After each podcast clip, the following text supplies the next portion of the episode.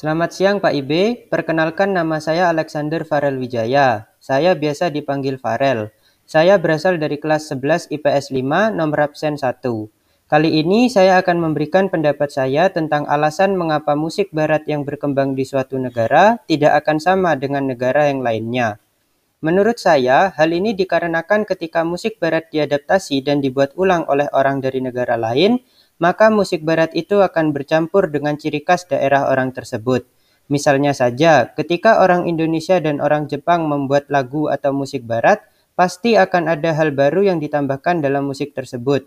Bisa jadi alat musik yang digunakan oleh orang Indonesia berbeda dengan orang Jepang, dan lain sebagainya. Maka dari itu, setiap negara atau setiap daerah akan menghasilkan musik barat dengan ciri khas masing-masing.